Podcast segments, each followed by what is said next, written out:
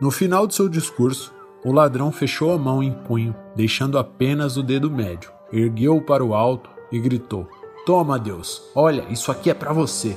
E dali em diante, as serpentes se enrolaram no seu pescoço, impedindo que falasse. Depois veio outra e se enrolou com tanta força em seus braços que ele não pôde mais sequer se mexer. Um centauro se aproximou, grande e imponente. Este que tu vês é Caco, apontou meu mestre, filho de Vulcano, que aqui cumpre pena por ter roubado o rebanho de seu vizinho.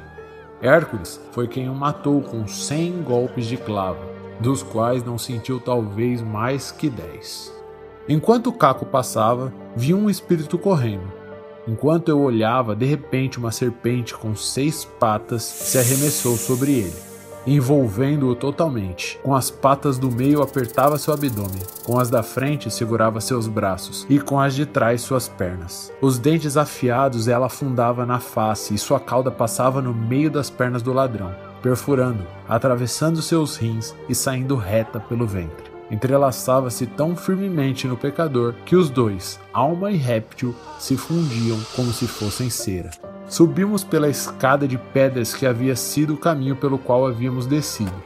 Ele ia na frente e me puxava rochedo acima, apoiando-se nas rachaduras, por onde o pé não podia avançar sem a mão.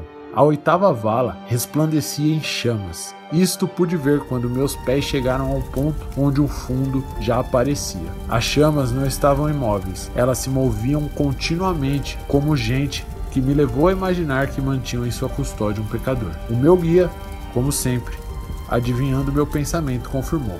Em cada fogo há um espírito que é torturado pelo fogo incessante. Mestre, perguntei. Isto que acaba de me falar eu já tinha adivinhado, mas diga, quem está naquele fogo? Naquela chama, respondeu, sofrem duras penas Ulisses.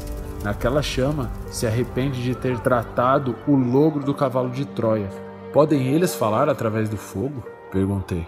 Sim, respondeu o mestre. Mas deixa, são gregos e vão lhe desprezar. Se apresse, temos que continuar a viagem. Personagens e símbolos do canto 25, 26 e 27. Caco era um gigante que, na obra de Virgílio, a Eneida, era considerado semi-humano. Dante o retrata como um centauro, irmão dos centauros que guardam o sétimo círculo. Era filho de Vulcano e vivia numa caverna sobre o monte Aventina. Foi morto por Hércules, de quem roubou várias cabeças de gado. Vulcano é o deus do fogo na mitologia grega. Hércules foi um herói da mitologia grega conhecido pela sua força e coragem.